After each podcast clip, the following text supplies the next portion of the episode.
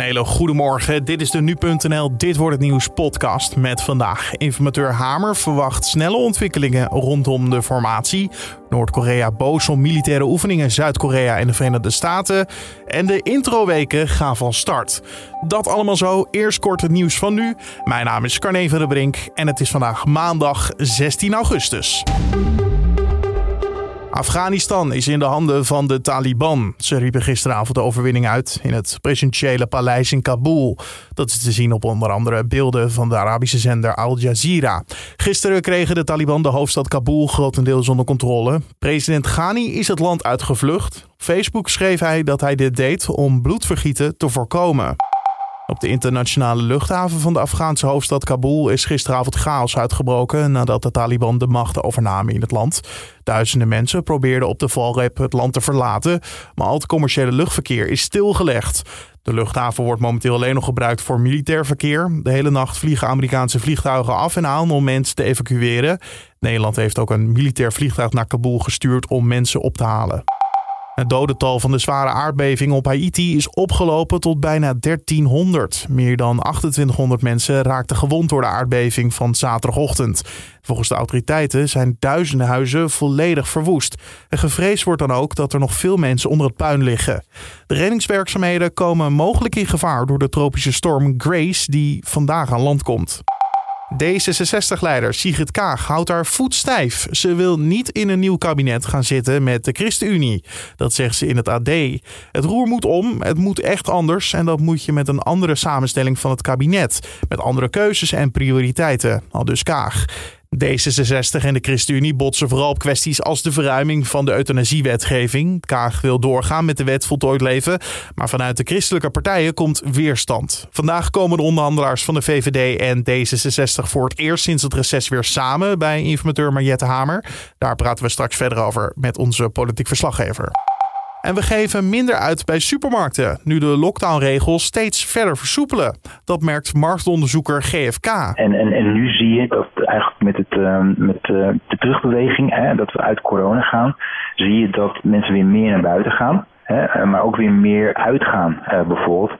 En dus ook meer gaan besteden in restaurants uh, in plaats van supermarkten. In de horeca stijgen dus de uitgaven en daardoor ook bij de drogisterijen. Daar wordt steeds meer uitgegeven aan persoonlijke verzorging. We willen blijkbaar nog steeds een beetje goed voor de dag komen. En dan over naar de agenda van vandaag. Want wat staat er allemaal te gebeuren? Informateur Mariette Hamer schreef vorige week nog te verwachten dat er binnen afzienbare tijd snel meer duidelijkheid komt over de formatie. Deze week zullen het CDA, GroenLinks, PvdA en de ChristenUnie worden uitgenodigd in Den Haag. Daar zal dan gesproken worden met Mark Rutte en Sigrid Kaag over de door hun opgestelde basis voor een potentieel regeerakkoord. Collega Julien Dom praat erover verder met politiek verslaggever Priscilla Slomp. Nee, dat klopt. Afgelopen weken was het ook muisstil rond de formatie.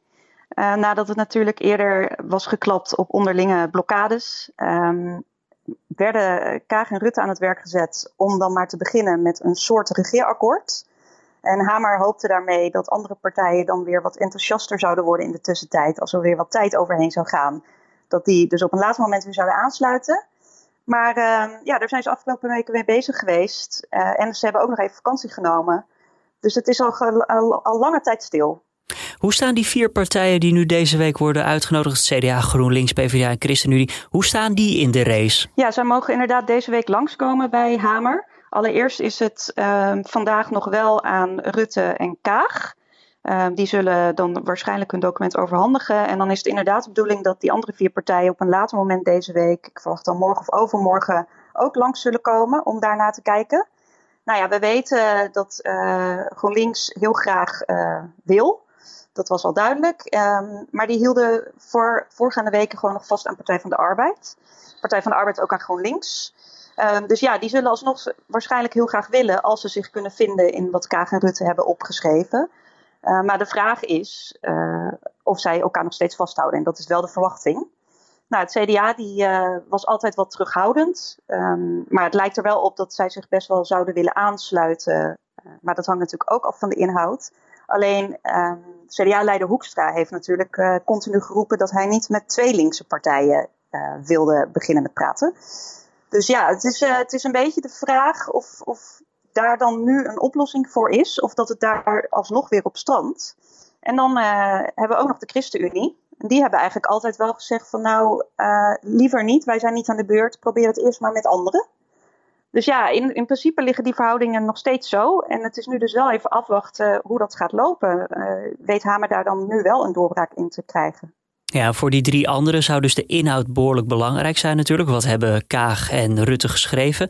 Is er iets duidelijk over die basis voor een potentieel regeerakkoord? Is er iets uitgelekt bijvoorbeeld? Nee, in principe nog helemaal niets.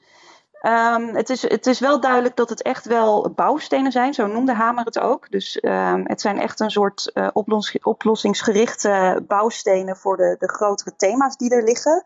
Dus in welke richting je moet denken. Maar het was ook de opdracht aan Kaag en Rutte om het best open te houden. Zodat andere partijen nog wel, als ze willen aansluiten, hun eigen invulling ook kunnen inbrengen. Want ja, Klaver, Bloemen, Hoekstra, uh, al dan niet Zegers, die zitten er natuurlijk niet op te wachten om maar gewoon een kruisje te zetten. Zo van, nou ja, wij tekenen wel mee. Uh, die willen natuurlijk ook wel hun eigen punten nog kunnen toevoegen. Dus het, het schijnt nog best wel echt vrij open te zijn en nog een basis.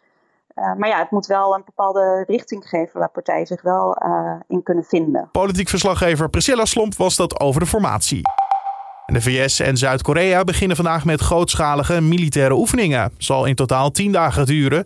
Eerder waarschuwde Noord-Korea nog dat de oefeningen de betrekkingen tussen beide Korea's zou belemmeren.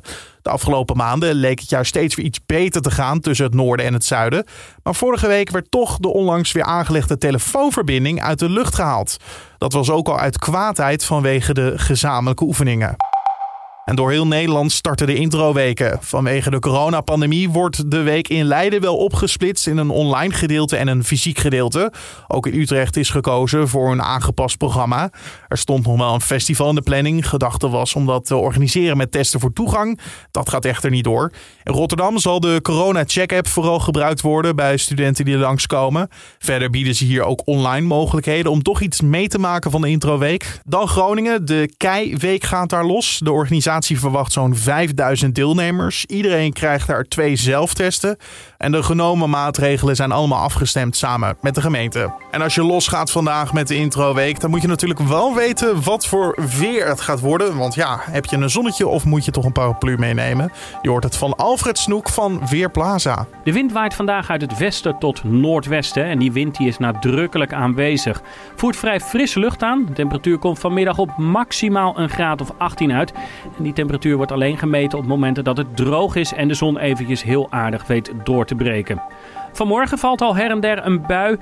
Enige tijd is het dan vervolgens zo goed als droog, maar in de loop van de middag komen vanuit het noorden meer buien opzetten en de wind kan zelfs dan nog een tandje feller uitschieten. Met name in het noordelijk kustgebied, waar later vandaag een harde tot misschien wel stormachtige wind komt te staan, windkracht 7 tot 8 uit noordwestelijke richting. Dankjewel Alfred Snoek van Weerplaza. En om af te sluiten nog even dit. Want Hollywood zou Johnny Depp boycotten sinds zijn strijd met actrice Amber Heard.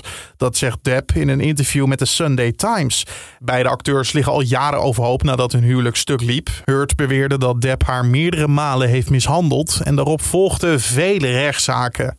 Depp geeft nu interviews voor zijn nieuwe films, Minamata. De film wordt vooralsnog alleen uitgebracht in het Verenigd Koninkrijk. En het project is geruime tijd op de plank gelegd omdat de filmmaatschappij zich niet wilde wagen aan een film met Depp. Dus daarom voelt hij zich geboycott. En dit was dan weer de Dit Wordt Het Nieuws podcast voor de maandagochtend. Je kan de podcast beluisteren in je favoriete podcast app. Apple Podcasts of Spotify of Google Podcast. En daar kan je ook een recensie achterlaten. Dan nog even een huishoudelijke mededeling, want vanmiddag is er geen middagpodcast. Daar stoppen we even mee eh, bij eh, nu.nl. Wel zijn we bezig om je binnenkort snel en vaker op de hoogte te houden. Ja, met het laatste nieuws als eerst op nu.nl uh, via de podcast. En daarover hopelijk snel meer. Dus als je vanmiddag op zoek gaat naar de podcast, dan weet je, je moet nog heel even wachten tot de ochtend, want dan zijn we weer terug. Mijn naam is Carne van der Brink. Voor nu een hele mooie dag en tot morgen.